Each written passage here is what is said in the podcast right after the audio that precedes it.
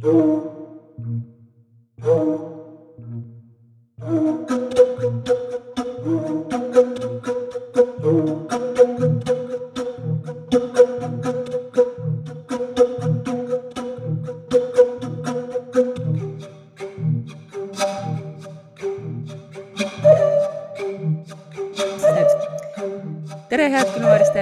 Kikimooride sõbrad, te olete taas edukalt ühe nädala õhtusse veeretanud, sest et aeg on taas kuulata kõhedaid kripisid ja võib-olla veriseid lugusid. mina olen Taki. ja mina olen Heidi. ja Heidil taga on Äike. ma ei tea, kas see on Äike, see tundub nagu see, tal on potentsiaal olla Äike, aga praegu ta on lihtsalt hästi kõva vihm, mis sajab mulle täpselt pähe põhimõtteliselt, nii et kui kõik koliseb, siis ma sorry, andke mulle andeks no anname andeks, sada, sadas küll tee peal, ma just äh, sõitsin äh, linnast koju ja meil on täna selles mõttes huvitav saade, et mul pole õrna aimugi, mis see teema võiks olla, kas meil üldse on mingi ühendav teema või ei ole äh,. siis saate jälle äkki pollis vastata, kas te mõtlete välja, kas meil on ühendav teema või ei ole. et kas kogemata tuli ühendav teema või ei tulnud? jah, sest et äh, issand, ma hakkas peale hooletama kas sa võtsid selle nuku ära sealt või? ei. oo jaa. no nii. issand, kui vastik. nii, ühesõnaga äh, selles mõttes on veel jah, huvitav saade, et eks me isegi siis saame üllatuda iseenda teemade peale, sest mul on nii vanad lood, et äh, ma isegi ei mäleta, millal nad valmis kirjutasin aga ma sain ka ühe kirjakese eelmise saate, eelmisest saatest inspireeritud äh, loo peale siis. aga sul vist oli enne ka midagi rääkida? jaa, mul siin vahepeal siis, kui ma selle Q and A tegin enda Instas, siis küsiti, uuriti, et kas mu laps on midagi veel näinud vahepeal. nii. et me olime maal. ja siis äh, ühesõnaga üsna mitu päeva olime maal, tema on siiamaani seal. aga eile õhtul siis meie jõudsime koju ja härra istub mu kõrvale ja ütleb, et kuule, et ma rääkisin tüdrukuga täna pikalt-laialt juttu. Te olite olnud voodi peal pikali ja siis jutustanud omavahel. noh, ja siis ta mainib, et äh, maal pidi ka üks hello olema. oh no ma arvan, et sul maal on muidugi neid rohkem, neid hello sid ja et äh, sellel, see konkreetne Hello oli ise ka oma nime öelnud, tutvustanud ennast okay.. kelle nime muidugi härra ei mäletanud, mille peale ma läksin täiega närvi arusaadavatel põhjustel, aga ta ütles, et ta ütles, et ta mäletab, et see hakkas A-tähega ja ta kõige haigem selle asja juures on või? et su vanaisa nimi algas A-tähega või midagi sellist? näiteks mm. -hmm ja pluss siis kõik muu asi, mis võiks olla selle kohaga seotud inimeste mõttes, hakkabki ainult A-tähega. imeline. jah, ja siis äh, oli veel vahepeal selline tore asi ka, et autos millegipärast tuli teemaks äh, lapsekes siis rääkis jälle, et hello siin ja hello seal kuidagi see teema ja, ja siis äh, mäleta, kes see küsis, kas mina küsisin või, või mees küsis ta käest, et äh, et miks äh,, miks ainult sina neid hello'si näed või miks ainult äh, sulle näitavad nad ennast. ja siis see vastus oli selline, et nad näitavad sellepärast, et nad meeldivad mulle. okei see oli nagu mingi oh.. see on väga armas, välja arvatud siis, kui nad on paljade padjaga paljad padjaga kurjad ja nii edasi. aga mm -hmm. ja see esiteks, teiseks me peame vist hakkama tänama siin pikalt ja laialt neid kõiki fantastilisi inimesi, kes Spotify's hääletasid. et me peame minema sinna kummitavasse korterisse mida ma tahan mainida, et Heidi täiega kardab, mina mitte nii väga mina ei saanud sealt erilist vaibi veel videote kaudu, aga eks me siis näe, kas me lähme no ei no mis, kui me nüüd juba küsisime, et siis äh, rahvas. Ah, siis me peame minema. -hmm. et mis seal oli meil üheksakümmend kaheksa protsenti jah või? no selles mõttes oli ka arvata et nagu äh.... Ma, ma veits lootsin, ma ise panin ei aga sa olid see kaks protsenti et no kikikate kuulajad ikka ei väe alt selles mõttes, et. ilmselgelt ja teie peale saab alati loota, et aitäh teile uh. -huh. aga, aga luba ma, loa ma küsisin, selles mõttes on official, et meil on äh, püha luba sinna minna ja teha mida iganes me teeme. okei okay., nojah, siis tuleb äh, minna. ja nii on oh,. ma loodan, et mul see peavalu läheb üle sama järsult, kui ta algas oh,. aga võiks juba minna. Eh, ma siis äh, loen ette äh, Nahktivi kirja. See sai siis inspiratsiooni meie eelmisest saatest mm. ja ta kirjutas nõnda. käisin hiljaaegu ühel vanal suht skeptikul Peikal külas ja tajusin, et midagi tema majas on. tema mind ei uskunud ja irvitas eile aga ta helistas mulle, et oli üksinda kodus ja keegi viskas klaaskausi kahe meetri kauguselt vastu maad ja see klaaskauss oli kindlal alusel, ei olnud ääre peal. ja siis ta küsib, see on juba klassikaline poltergeist. ennem oli tal, ennem olid tal sellised tiinekad lapsed külas olnud. no ma arvan, et mina ei osa, ei usu sellesse tiinekad võrdub poltergeist mm. seosesse nagu hästi. et ma arvan, et see äh, poltergeisti, et kui sul on äh, poltergeist, siis sul on poltergeist noh mm -hmm. et, äh, et jah, hästi palju teooriaid on selle kohta, et kas tiinekad siis nagu tekitavad oma vägeva energiaga seda, aga see on, ma arvan, juba nagu sügavalt, sügavalt misoküünne ja naisi äh, vihkavast seisukohast tuleb kogu see teooria, nii et, äh, et ei aga siis ta veel äh, kirjutab, et äh, noh, kunagi, kui tema oli selline viieteistaastane poiss, olid nad siis naabripoisiga öösel tuppa tulnud ja laua peal kausis olnud õunad keerlesid. mis asja? ja siis nad olid üksteisele otsa vaadanud ja ei saanud aru, ehk siis kaks sellist juhtumit on nüüdseks toimunud.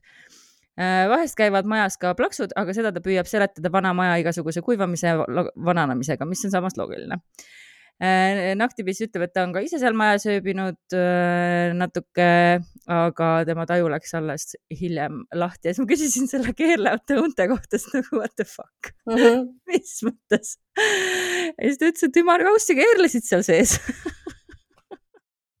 ma ei, ma ei tea, ma ei tea, kuidas õunad keerlevad. oleks banaanid olnud, siis ei keerleks banaanid võivad keeraldada, aga mul tuleb selle peale see klassikaline see lendava muna juhtum. see oli ka nii hea.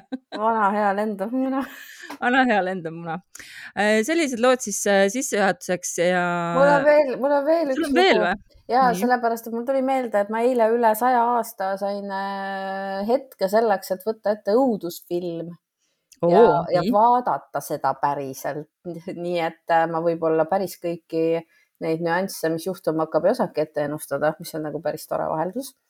no mis film oli? Äh, selline film, kus oli Russell Crowe peaosas.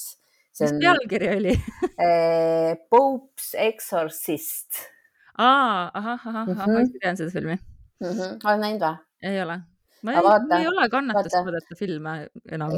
vaata, see on, see on nii hea vaheldus nagu tegelikult ka igal juhul, kui nagu kellelegi, kõigile, kõigile meeldivad õudusfilmid, olgem ausad, eh, siis äh, see õudukas oli nagu, ta on nagu nii tore, ta on nii, nii tore. mul lihtsalt sellepärast praegu tuli meelde, et sa mainisid neid tiinekaid ja asju, et nende sisse igasugused värgid roomavad mm.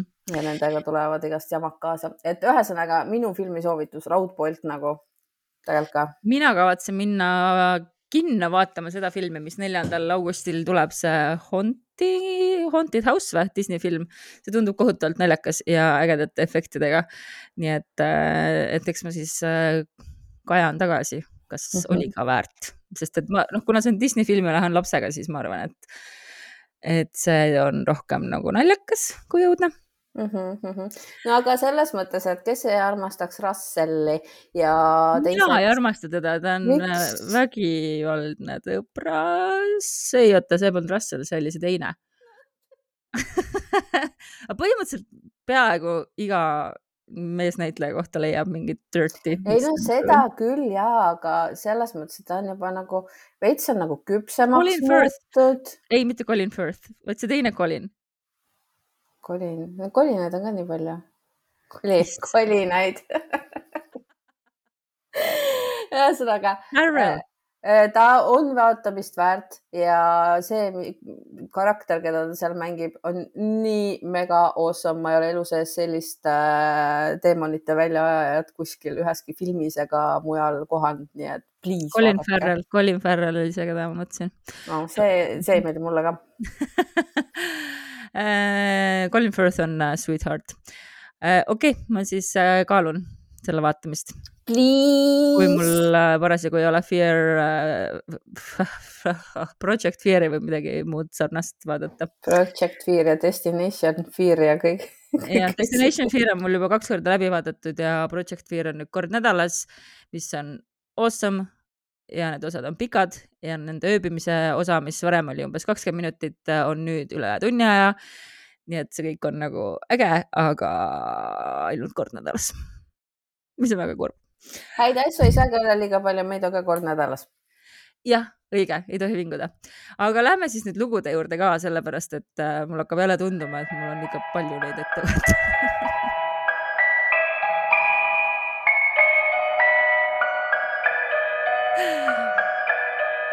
nii, kõigepealt ma tahan teile rääkida Karula kirikust.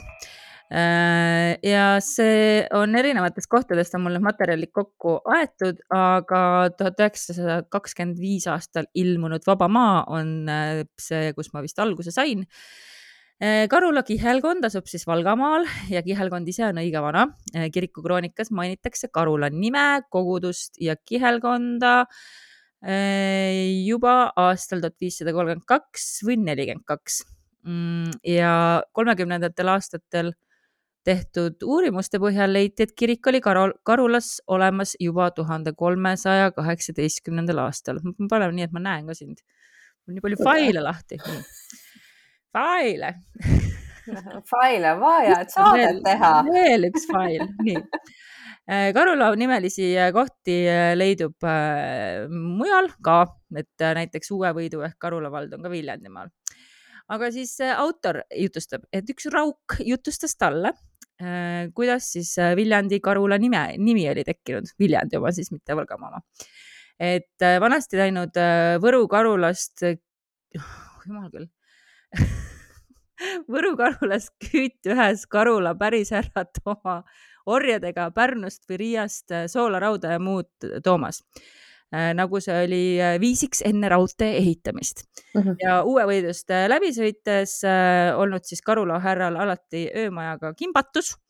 Ja Karula härra andis siis hulga pärisorje tee ääres oleva kõrtsi äh, ostu lunastushinnaks ja kõrts kui siis Karula härra omand hakatigi kutsuma tema uue omaniku nime järgi Karula kõrtsiks ja hiljem siis see kujunes äh, terve Uue Võidu valla kohta aga kui me tuleme selle Valgamaa Karula juurde tagasi, siis sama Karula kirik äh, on üks vanemaid äh, hooned, suur kootistiilis ehitis see Ja- kõlab nii ilusalt. ja paraku me jõuame sinna, aga see ei ole enam alles.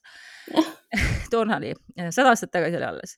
kiriku kohta räägib rahvasuu õudseid lugusid. Nii näiteks siis müüriti ehitise ajal või ehituse ajal üks leerilaps, kelle nimiks, nimeks oli muidugi Maarja, elavalt altari ligidale akna alla ja sellest me oleme varem ka rääkinud, et äh, sissemüürituid inimesi on hästi palju ja siis temalt oli samamoodi küsitud, et kas sa tahad kirikuvõtmeid kanda. ja Maarja ütles, et jaa, tahab küll, ilmselt aru saamata, mis see tähendab ja Mhm. siis ta müüritigi sinna. Talle jäeti väike avaus, kolm päeva toitsid vanemad teda teelusikaga läbi müüri avause ja neljandal päeval oli kuulda ainult surija korinat. mis on nagu ma loodan, et see müüt ei ole päriselt juhtunud. aga kord siis pandi kirikule, kirikule uut, uut põrandat ja kiriku alt äh, leiti suured surnukeldrid. meister aga oli äh, tööliste teades suur nõid ja vanakurjaga ühenduses. Ja kui nad põranda vanad lauad äh, äh, ära võtsid, siis lasi meister töölistel kahte lauda seina ääres puudutada ja ütles äh, ärge, oota, et ärge puutuge, seda teeme pärast, seal on midagi all ja söögipausi ajal jälgisid siis töölised uudishimulikult äh, kiriku esisel meistri tegevust ja arvasid, et viimase ütelus Seal on midagi all tähendab mõnda vanaaegset suurt vara- varandust surnukeldris. aga äkitsi ilmus pika palituga mees, kaabuääred silmade peale lastud, õline köi, köide vööks ehk siis köis, ma arvan jah mm, -hmm. kirikust ja kadus metsa ja nüüd oli siis meestel selge, et see vana kurat ise oli, kes meistri poolt keelatud laudade all surnu, surnukeldris end peitis. Äh, aga selle kirikuga on veel huvitavaid legende. Äh, Rootsi sõja ajal purustati siis kiriku katus ja kiriku ümbrus oli sõjatallermaa ja tervelt äh, kakskümmend aastat, nagu kiriku protokollid räägivad, seisis kirik varemetes ja rahvas käis kirikus hoopiski Sangaste laatril seitseteist versta eemal. Ja nähtavasti siis kogu seitsmeteistkümnenda sajandi oli kirik enamjaolt äh, varemeis tuhat kuussada kolmteist. Aastast on märge, et kirik on kasvanud võssa, katus on lagunenud. Äh, aastal tuhat kuussada kakskümmend neli kirik põles, hävisid ka võlvid ja siis hakkas rahvas käima tõllistes jumalateenistusel kuni aastani tuhat kuussada nelikümmend kaks ja siis seejärel äh, kohalikus pastoraadis Äh, tuhat kuussada viiskümmend üks ehitati valmis altariruum, kuid kuus aastat hiljem muutsid venelased sõja ajal kiriku hobusetalliks. vanad head venelased. hobusetalliks. hobusetalliks. me teame teisigi kohti, kus venelased on hobusetalli teinud ja matnud inimesi sinna alla. aga. Äh, ja siis on üks lugu äh, kuulsast eesti kirjakeele isast Äh, tolleaegse lauluraamatu väljaandjast Johannes Horningist, kes äh, Karulas kirikuõpetajana Vene sõjavangis tuhat seitsesada seitseteist äh, suri. aga ühesõnaga, seal on ka Mäheru kalmud, mm, mis siis näitab, et Poola sõja ajal oli väga palju surma seal sealt Mäheru kalmudest on leitud kiriku lähedalt siis rinnanõelu, prosse, tuleraudu, noateri ja nii edasi aga ka hilisema ajajärgu sepatöid ehk siis seal on nagu asustust hästi kaua aega olnud.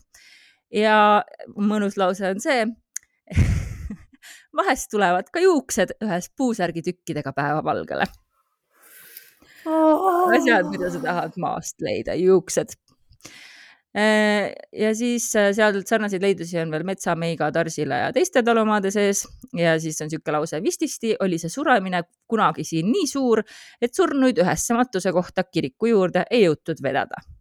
nii et ma arvan, et see võib ka katkuperioodile viidata äh, siis räägitakse veel kiriku toredast heleda häälega kirikukellast, millel peal on aastanumber tuhat seitsesada kaks Äh, suure Vene sõja Rootsi ajal oli see peidus mm, ja siis teine matuseaja kell on üle kolme puudu, puuda raskune, aga see varastati äh, tuhat üheksasada kakskümmend viis talvel kabelihoone tornist ära. Äh, aga siis on üks hästi huvitav lugu, et me lähme nüüd, räägime siis Rootsi kuningast Karl kaheteistkümnendast, kes oli siis rahvajutu järele õige vahva poiss ja kui õige vahva. õige vahva poiss. ja kui Rootsi sõjavägi oli Kiriku vallas, mm, nüüdse nimega Kikkamäe talu ligidal, äh, Keldrimäe peal äh, vangis, siis venelane põmmutas rootslasi ja Rootsi kuningas ei kartnud venelaste tammepuust suurtükke, vaid ütles aina, mis te pillate oma mädanenud ube, ei lase mind lõunatki süüa, rikute mu pudru ära. paganas mädanenud ube ja siis äh, Mõniverest kirikust äh, Võru teed edasi ongi siis niinimetatud nii Kuningasild mis siis väidetavalt äh, tekkis nõnda, et vastamisi kummalgi pool silda oli äge tuleandmine Rootsi vägede eneste vahel ja lahingut tunnistavad siis maa seest leitud tööriistade jään-, sõjariistade jäänused aga Karl kaheteistkümnendal ei olnud siis muud pääseteed, kui silla alla peitu pugeda ja sellest saadik kutsutakse siis seda, seda silda siis kuningasillaks ja seda siis jutustasid sellele loo autorile vanad kaheksakümneaastased heidetaadid äh, aga sealt Rootsi ajast on veel üks huvitav lugu, et Kirbu metsas on aher varemed ja seal lähedal madal org, mis kannab nime Majori Koppel. ma kusjuures püüdsin otsida neid kõiki kohti kaardi pealt ka, aga enamikku ei leidnud. Äh, aga seal elutses vanasti üks sõjakas major ja tee ääres äh, Kirbu karjamõisa ligidal on nüüd samanimeline asundus mm, ja siis seal olla Rootsi äh, äh, ma siis peast tahab, kuus pütti kulda ja kuus hõbedat vana ürgaegse metsõunapuu ligidale maetud. ühesõnaga, et seal on aarepeidus kuus mm -hmm. pütti kulda ja kuus pütti hõbedat. ja õunapuu siis sada aastat tagasi vähemalt ta veel seisis e,. aga kahjuks see vanake ei mõistnud äh, jutustada, et kus täpselt kus täpselt see kuld asub. äkki ta ei tahtnud öelda lihtsalt. aga kulla peitmisest äh, rääkis siis rahvasuu järgmist, et äh, et õige hulga peale suure Vene-Rootsi sõja lõppu tuli Karula Tigaste mõisa üks hall vanamees, kes noorena suurde põhjasõtta viidud ja selle sõjakäigu isiklikult venelaste vastu läbi teinud pärast oli ta veel mitmetes maades ja paljude rahvastega koos Karl kaheteistkümnenda sõjaväega sõdinud vanak olnud nõrk ja jõuetu ja surnud peatselt ära, aga ta jõudis veel oma pojale ära seletada, et tema ise oma kätega kuus pütti kulda ja kuus hõbedat suure õunapuu lähedale nii mitu sülda karjalautadest eemal maa sisse oli peitnud kahe kivi vahele mm. -hmm. ja et olgugi, et õunapuu alles on, äh, karjalaudad ei olnud enam endisel kohal ja ka kivid olid ära veetud, nii et ei saanudki poeg oma Rootsi kulda kätte vot, nii et äh, selline lugu, aga see ajalooline Karula kihelkonna kirik on siis äh, praeguseks äh, Varemetes ja uus kirik valmis aastal tuhat üheksasada üheksakümmend seitse. see ehitati ümber kirikumõisa viljaaidaks, aidast ja siis selle teeb eriliseks kahe tuhande esimesel aastal valminud Eesti kunstniku Dolores Hoffmanni vitraaž Püha õhtu söömaaeg uh,. vitraažid on nii nunnud. ja, ja see Dolores Hoffmanniga äh, ma tunnen ühte tema, ühesõnaga kunagi date isin ühe tema sugulasega vitraažiga vitraažiga, jah. nii et äh, väike isiklik äh, touch on mul ka. aga seal on siis kujutatud Karula koppelmaastiku taustal jüngritena kohalikke elanikke vot, nii et Karula kirikusse saab minna, aga mitte sellesse, tähendab original kirikusse saab minna, seda ma vaatasin, et see on seal tee ääres täitsa olemas, aga ta on tõesti varemetes ja mitte siis see kootiaegne suur, vaid see. Gonna cry, ma tahan seda kootiaegset minna vaatama ja katsuma. ja enam ei eksisteeri mm. -hmm. aga Eestis on teisigi õnneks, aga me võiksime minna hoopis kulda otsima, minu meelest see on palju põnevam. kulda võiks ka otsida, jah? jah. issand, kui palju asju, mida tahaks teha kolm aastat räägime, kuidas me uima hakkame käima, igast suvel lähme uima, lähme külmavärinaga tuurile. selles mõttes see tuur tuuriks seal korteris me käime nüüd ära, see on fakt, nagu vahet ei ole. ükskõik, me lähme mingi telefonikaameratega sinna ja ma võtan enda kaamera kaasa ja teeme selle asja ära seal, võtame kaardid kaasa, võtame selle boksi kaasa ja lihtsalt. siis on mul nagu... veel pöörlid ja siis äh, taskulambi võime kaasa võtta, sellega saab ka igast asju teha. kõrvaklapid võtame kaasa.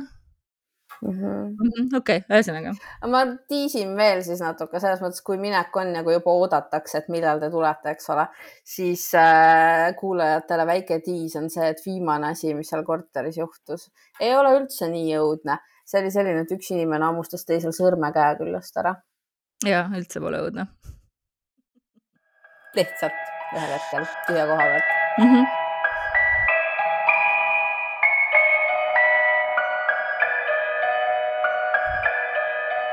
saan aru, et nüüd on järg minu käes. ja tegelikult on üks asi veel, millest ma vist aru saan, on see, et äh, kui mul olid eelmine saade ilgelt ägedad lood, siis äh, seekord on jälle kõige ägedamate lugude see karikas. on sul jah? Dagmari riiulis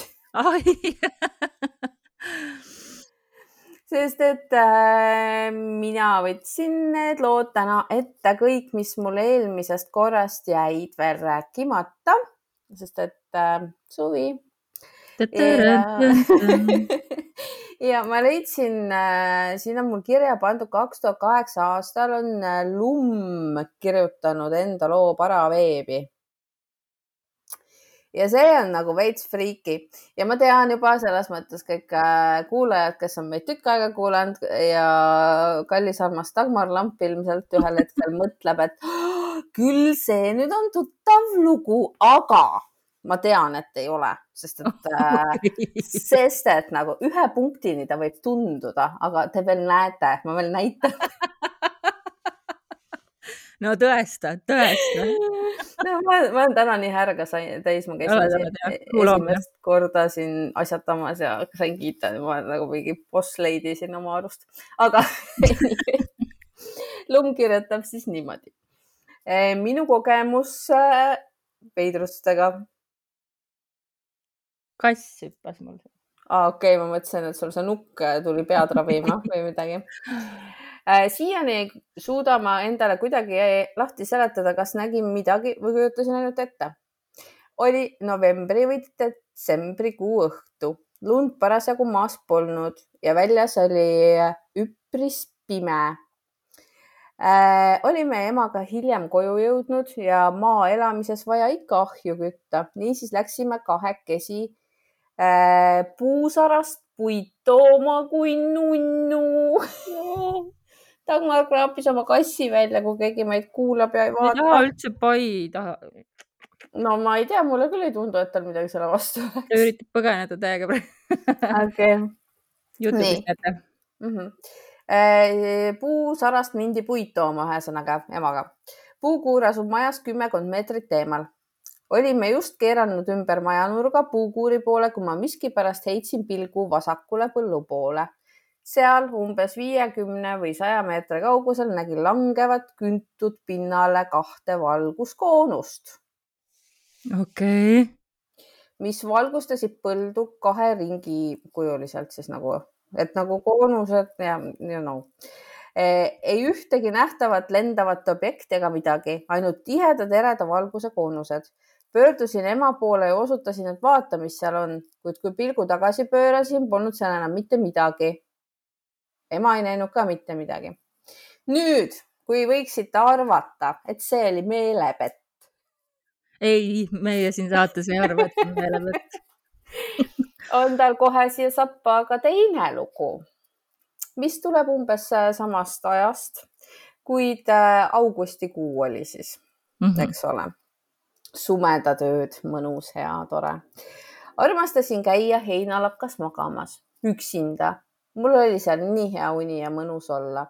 pesa olin teinud omale kõige ülemisele heinakihile, nii et katuse roovideni oli mingi kaks meetrit maad. sulgudes, eks seinad vajusid kah aegamisi, algusel olin ikka palju kõrgemal heinad muidugi vajuvad, nii. absoluutselt seekord sättisin end magama nagu tavaliselt, mässisin tekid ja palakad ümber, et heinapebred igale poole ei roniks ja vist isegi tukastasin.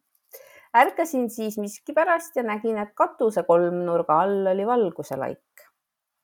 minust umbes kaks-kolm meetrit eemal. esialgu arvasin, et teati ju, et ma lakas magamas käin eks tuldi mulle kolli tegema siis mingi taskulambiga olin vait ja ootasin, küllap kollitegija tüdineb ja minuga rääkima hakkab. kuid ei midagi. siis vaatasin, et kui taskulambiga pilkases pimeduses valgust näidata, siis ju näed nagu valguskoonust ja valgus on selline hajuv, aga see, mida mina nägin, oli kindlate piirjoontega ja ei omanud sellist taskulambi valguskoonust. ühesõnaga, sellel inimesel on mingi thing sõnaga koonus koonuse overload. koonuselu for life on meil siin. koonuselu for life pane kirja, palun pane kirja. ma just mõtlesin, et meie need T-särgi ideed hakkavad minema aina obskuursemaks, lõpuks on niimoodi, et me ise ka enam aru, mida me tahame öelda või kust see pärit on igal juhul see valgus. koonus, ilma koonuseta valgus vihk, ütlen ma, jah. aga ta ei ole äh,, siis on koonus, kui on vihk algus blob. okei okay,, okei okay,, blob äh,. hakkas mulle lähenema. oi ei. muutus neerukujuliseks ja oleks justkui sädemeid pritsinud mm. -hmm. mõni ütleks siin kindlasti keravälk, aga mina ei ütle ma ka ei ütle, sellepärast et ei ole kuskil maininud, et siin oleks äh.... eravõlk on ringikujuline, mitte neerukujuline minu teada. okei okay,. kohutavalt no... harv pidi see nähtus olema. Ja, aga tead, kuidas ma lapsena kartsin seda või? ma tean, me oleme rääkinud sellest, see on ebanormaalne, kui palju meile räägiti keravälgust lapsena. see oli ja mingi lehelugu oli, ma mäletan ja siis vanaema tuli selle lehega ja vanaisa tuli selle lehega ja see leht oli juhuslikult iga laua peal, kuhu taha ma istusin ja siis Anyways, koonus, nii äh,. neer.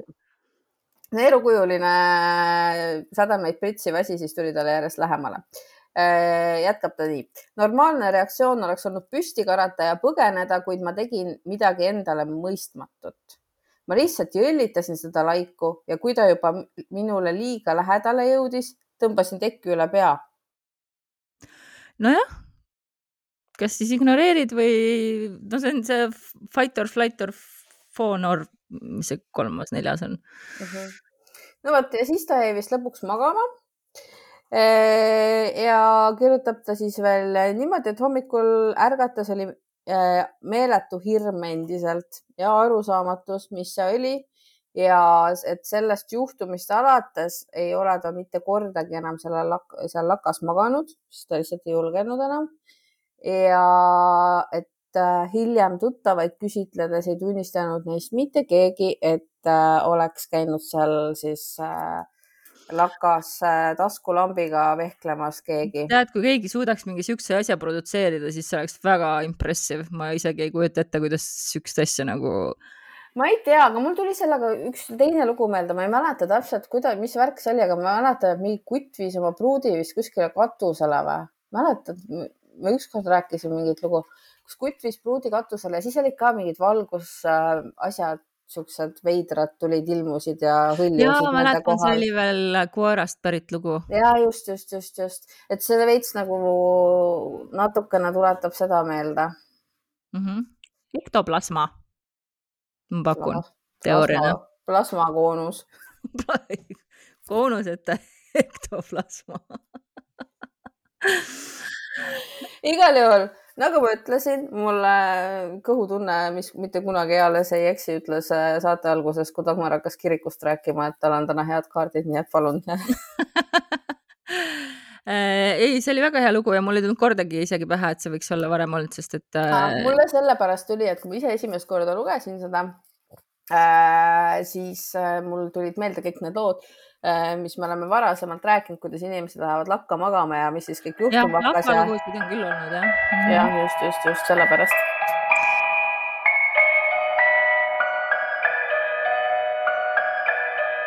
aga minu järgmine lugu on äh, aastast tuhat üheksasada kolmkümmend kolm ja oh,. ma olen jumala armunud sellesse aega muide. ja tead, miks või? tänu sulle, muidu ei oleks ilmselt. Ma loodan, et ma olen ka teiste seas saanud seda populariseerida meie sõjaeelset äh, või sõdadevahelist vabariiki, meie õiget, õiget vabariiki äh, aga seda, mille õigusjärglased me praegu oleme mm. -hmm. nii enne kui sa alustad, mul tuli meelde, et ma lubasin proovida töö juures ükskord, et ma olen päriselt võimeline kaktusi kasvatama. ja ta elab veel? Eh, siin on üks näide hästi kiiresti nendele, kes vaatavad videoga seda asja ma olen päriselt suuteline. see üks, mille ma tõin koju päästeoperatsioonile, see endiselt mõtleb, mis ta teeb oma eluga. ahah, okei okay. aga, aga ma teen selle update'i ka varsti. super. Ma räägin äh, natuke siukse mm, ma ei teagi, kui eelmine oli sihuke müütide lugu, siis see on, ta ei ole päris krimilugu ka, ühesõnaga otsustage ise.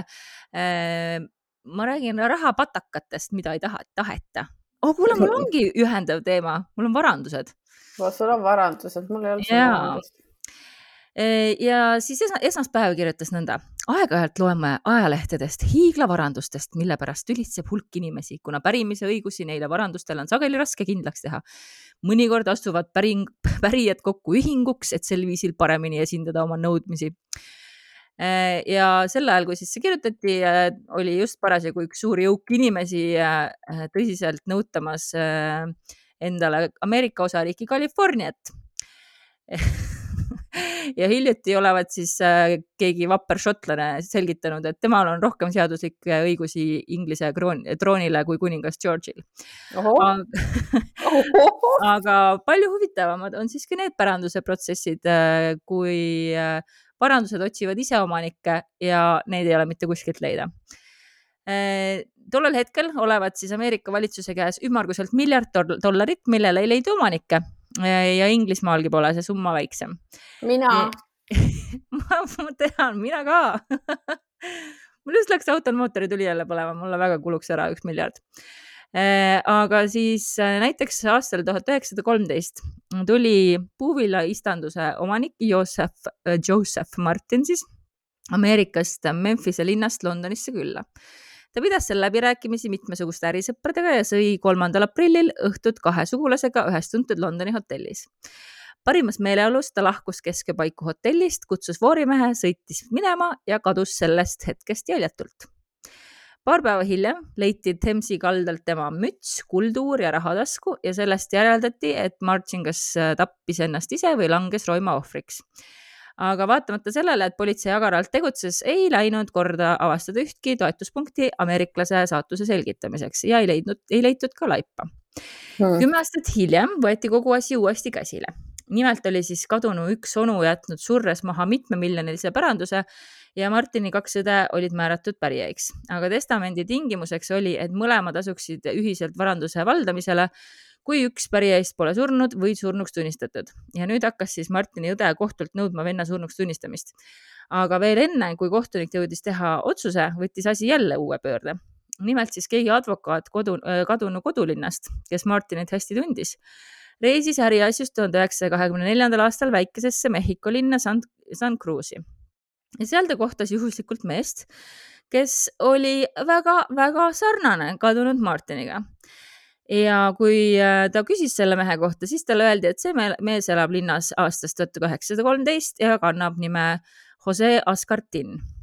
ja advokaat äh, kõnetas siis lõpuks ise Ascartini ja teretas teda kui oma endist klienti Martinit ja vaatamata sellele, et advokaat talle kõneles teda ootavast varandusest, salgas Ascartin kategooriliselt, et tema on endine Martin viimaks siis telegrafeeris äh, advokaat Martini õele ja too tundis kruusi saabudes Askartinis oma venna ära. Äh, nimelt siis oli tal arm laubal ja sünnimärk kaelal, mis olid täpselt samasugused kui see kadunud Martinil. ja asi siis jõudis ka kohtukõrvu, kes siis nüüd Ameerika seaduste järele keeldus Martinit surnuks tunnistamaks, kui tema õde ja teised tuttavad väidavad, et ta on veel elus, mis on nagu loogiline no kui ta on elus, siis ma ka keelduks jah, pigem. aga teiselt poolt kinnitab Martin ise kuni tänini, et ta pole Martin nii et ka õde pole saanud asuda ühise varanduse valdamisele. ja varandus siis oligi äh, senimaani Ameerika valitsuse hoolde all. andke siia, no ja siis on veel üks lugu Kanada farmerist äh, Jones Hillborough'st, kes pani ühe reisi ajal oma poja enda suurte maade valitsejaks. Aga kui ta tagasi jõudis, siis ta ei leidnud eest poega, vaid see poeg oli paari tuhande dollariga kodus põgenenud. vihane ise sõitis poega otsima, aga jäi ka ise kadunuks. Ma ei tea, miks see mulle nalja teeb, ma ei tea.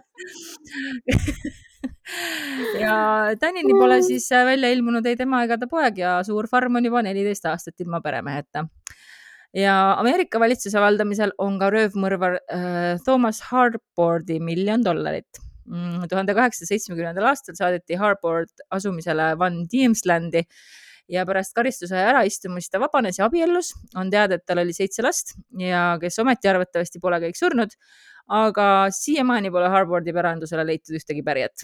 ja siis on veel lugu Alexander Robertsonist, eh, kes oli üks Šoti ärimees ja ta astus Garibaldi vabatahtlike väkke aastal tuhat kaheksasada kuuskümmend kaks teda nähti aasta hiljem Pariisis ja alates aastast tuhat üheksasada neli otsivad tema onu testamendi täitjad teda või tema pärijaid, kuna talle, neil on talle anda siis sada viiskümmend tuhat naela mm. -hmm. lihtsalt inimene on kadunud. Ja mõnikord õnnestub leida kauaotsitud pärijad, aga sageli juhuse läbi. nii ilmusid tuhande üheksasaja kahekümne üheksandal aastal Londoni kohtuniku juurde kaks noort inglast, keda süüdistati valerahadega sigarettide väljavõtmises automaadist Äh, asja arutamisel meenus ühele pealtkuulajale, et oli hiljuti lehes näinud ühe kaebealuse nime ja pilti ja selgus, et seda noormeest, kes oli oma perekonnaga tülis, otsiti juba kolm aastat, kuna teda ootas nelikümmend tuhat, neljakümne tuhande naelane pärandus. Nii et tema pidi vale raha kasutama, et suitsu välja võtta, aga tegelikult oli nelikümmend tuhat kuskil lihtsalt ootamas teda ja siis äh, kuulis šotlane William Dalsel väga juhuslikult oma rikkusest ja ta oli äh, siis äh, kahekümne sajandi alguses rännanud Lõuna-Aafrikasse tööd ja õnne otsima. õnn jäi leidmata ja mees kiratses kolmkümmend aastat hulkurina ja mustatöölisena. ühel päeval istus ta jõe kaldal ja tegi ühe oma kaaskannatajaga tuld, et valmistada lõhtusööki. Ja äkki langes siis tema pilk ühele vana, vana, vana ajalehe kuulutusele, mida ta parajasti tahtis tulle visata. Ja selles kuulutuses ilmus ja ilutses tema nimi. Ja see oli siis kellegi notari üleskutse, et, et äh, selle notari käes leidus siis tema pärandus kaheksakümmend tuhat naela. Mm.. nii et äh.... mida helli, kus on meie need pagana Kanada onud, noh või tädid Aga... või aga kahjuks mitte kõik varanduse pärijad ei kuule õigel ajal oma õnnest. tuhat üheksasada üheksa suri Chicagos iirlane Hillary Rourke kes oli äh, osavate spekulatsioonidega omandanud kolmteist miljonit dollarit, peaaegu kakskümmend aastat otsis tema testamendi täitja seaduslikku pärijat.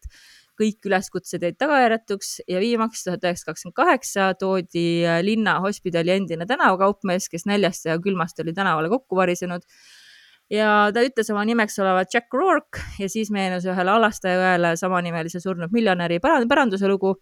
Äh, Halaste õde andis siis äh, ametivõimudele asjast teada ja tehtigi kindlaks, et see oli siis haige, et haige oli siis miljonäri ainus vend ja see, sellega siis ka seaduslik pärija, aga enne, kui ta sai kätte varanduse, kahjuks suri ja siis mul on üks viimane väike lookene, samasugune äh, ka Ameerikast tuhat üheksasada kakskümmend kaks, äh, kadus jäljetult oma korterist doktor George Hillgrass ja nagu hiljem selgus, oli ta äkki kaotanud mälu ja rändas jalgsi üle terve mandri ja asus lõpuks elama Utica linna New Yorgi osariigis.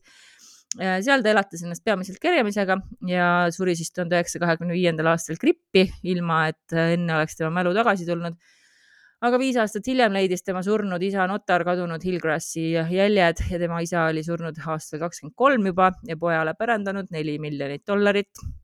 aga ainuke kasu, mis siis õnnetul pojal oli oma isa pärandusest, oli see, et tema surnukeha viidi siis vaeste kalmistult äh,.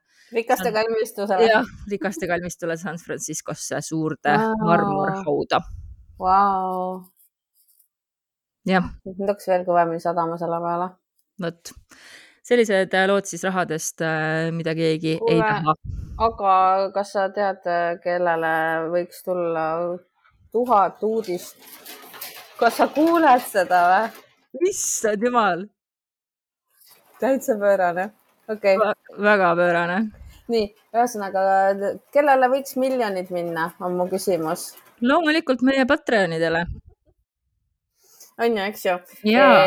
me peame siin äh, võtma nimekirja ette, mis on maailmapikk juba mm,. ja, ja enne, enne kui me tänama hakkame, siis äh, meie Patreon asub aadressil patreon.com kaldkriips kikimoorid ja lisaks äh, saatemärkmetele ja muule heale kraamile Äh, saab seal hääletada saate, augustikuu saate teemat hetkel vist ja saab äh, episoodid varem kätte, nii äh, heliepisoodid kui videoepisoodid ja boonusosad, mis siin saatel lõpus tulevad, on mõeldud ainult Patreonide toetajatele ja pealegi siis praegu saab Patreonis nädal aega tasuta testida, täiesti sihuke free, free trial, nii et minge ja kasvõi lihtsalt alla laadige need osad, mis teil on kuulamata ja, ja siis võite vabalt ju jälle cancel dada. nii et äh, igasugust manti on seal ja me tahame seda teiega jagada. ja kas siis äh, mina alustan? Tänan. no alusta sina, olgu pealegi. okei okay,, ma teen nii kaua, kui äh, tuleb ja siis võtad üle ja täname siis meie armsaid Patreone maakera omanik Maris-Lii, Airo, Tarmo, Cassandra, Beata tädi, Riina, Krets, Tiigerhunt, Janeli, Priske Piiga, Väike Päike, Ago, Krista, Kadi, Oliver, Ketrin, Malle, Sigrid, Diana, Anni, Shirley, Merle, Kerli, Kristiina, Sigrid, Grete, Jaanika ja Maarja ja aitäh, Risto, Külli, Ka, Ester, Kirke, Marge, Margit, Dagmar, Marielle, Annika, Ülo, Karita, Erika, Edlin, Jörgen, Reet, Riina, Mäger, Kati, Liisa-Margareeta, Kelly, mulle void, ma sain seda seekord ise öelda. Endre, Kristel, Hardi, Indrek, Laura, Aleksandra ja Triin ja siis meil on hulk äh, äh, follower'e ka ja ütleme siis aitäh ka Alicia, Iki, Angie, Katrin, Helerin, Kadri, Katrin, Liset, Mammu, Sandra ja Siim, nii et aitäh teile, et te meid äh, toetate ja olemas olete. ja kas sul on üks väike lookene, enne kui me lähme boonusosasse?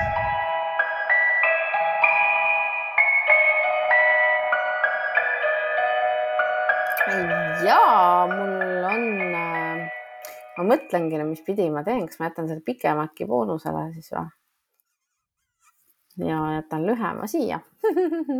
Jah, nii ma teengi, vot. suur naine otsustab ise, täiskasvanud, ei ole siin midagi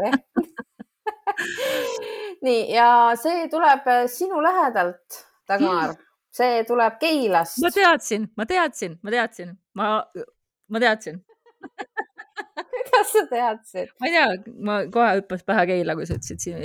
ja, ja see ei ole Heidi lugu, see on Keidi lugu.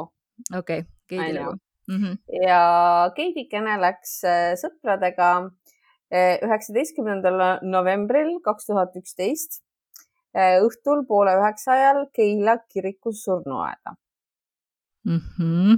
Mm -hmm sellepärast, et tuli mõte, et võiks minna panna inimeste haudadele küünlaid lihtsalt niisama väga armas. minu meelest ka see on nagu väga-väga-väga nunnu idee.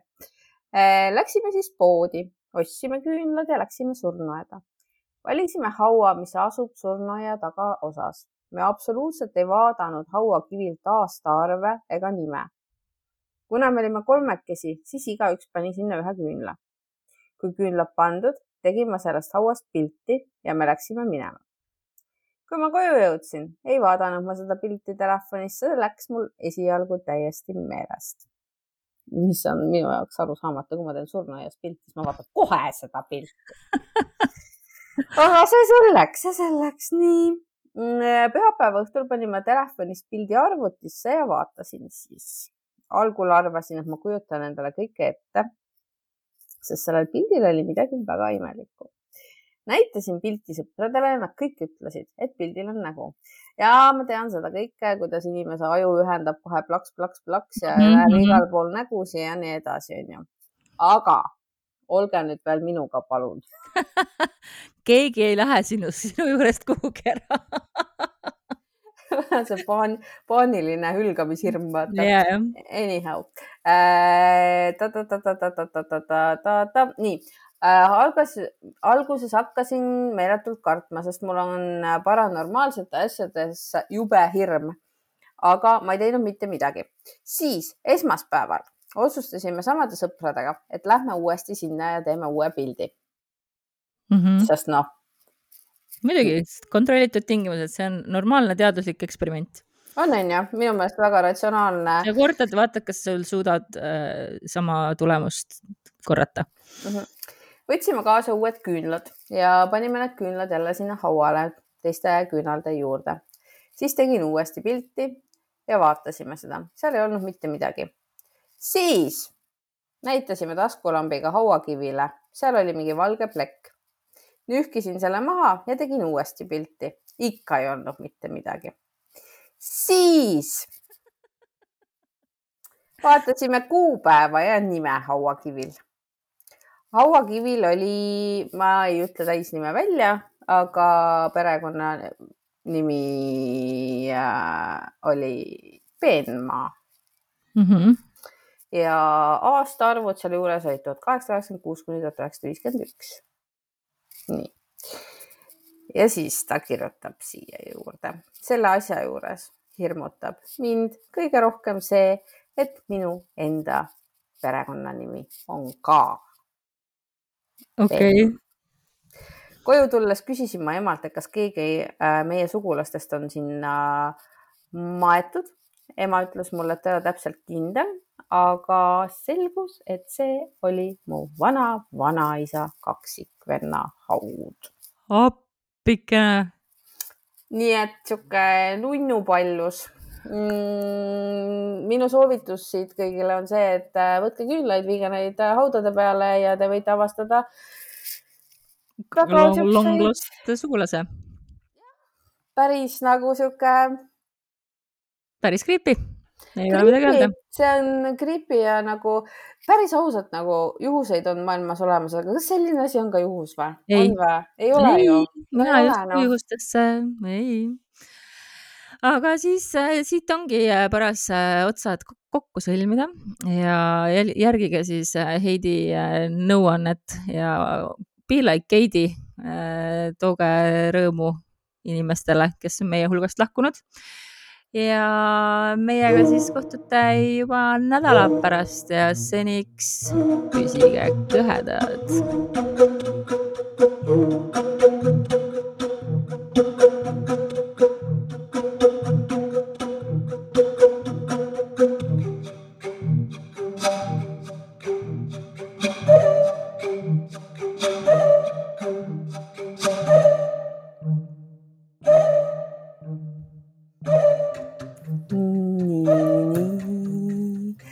vist sinu kord.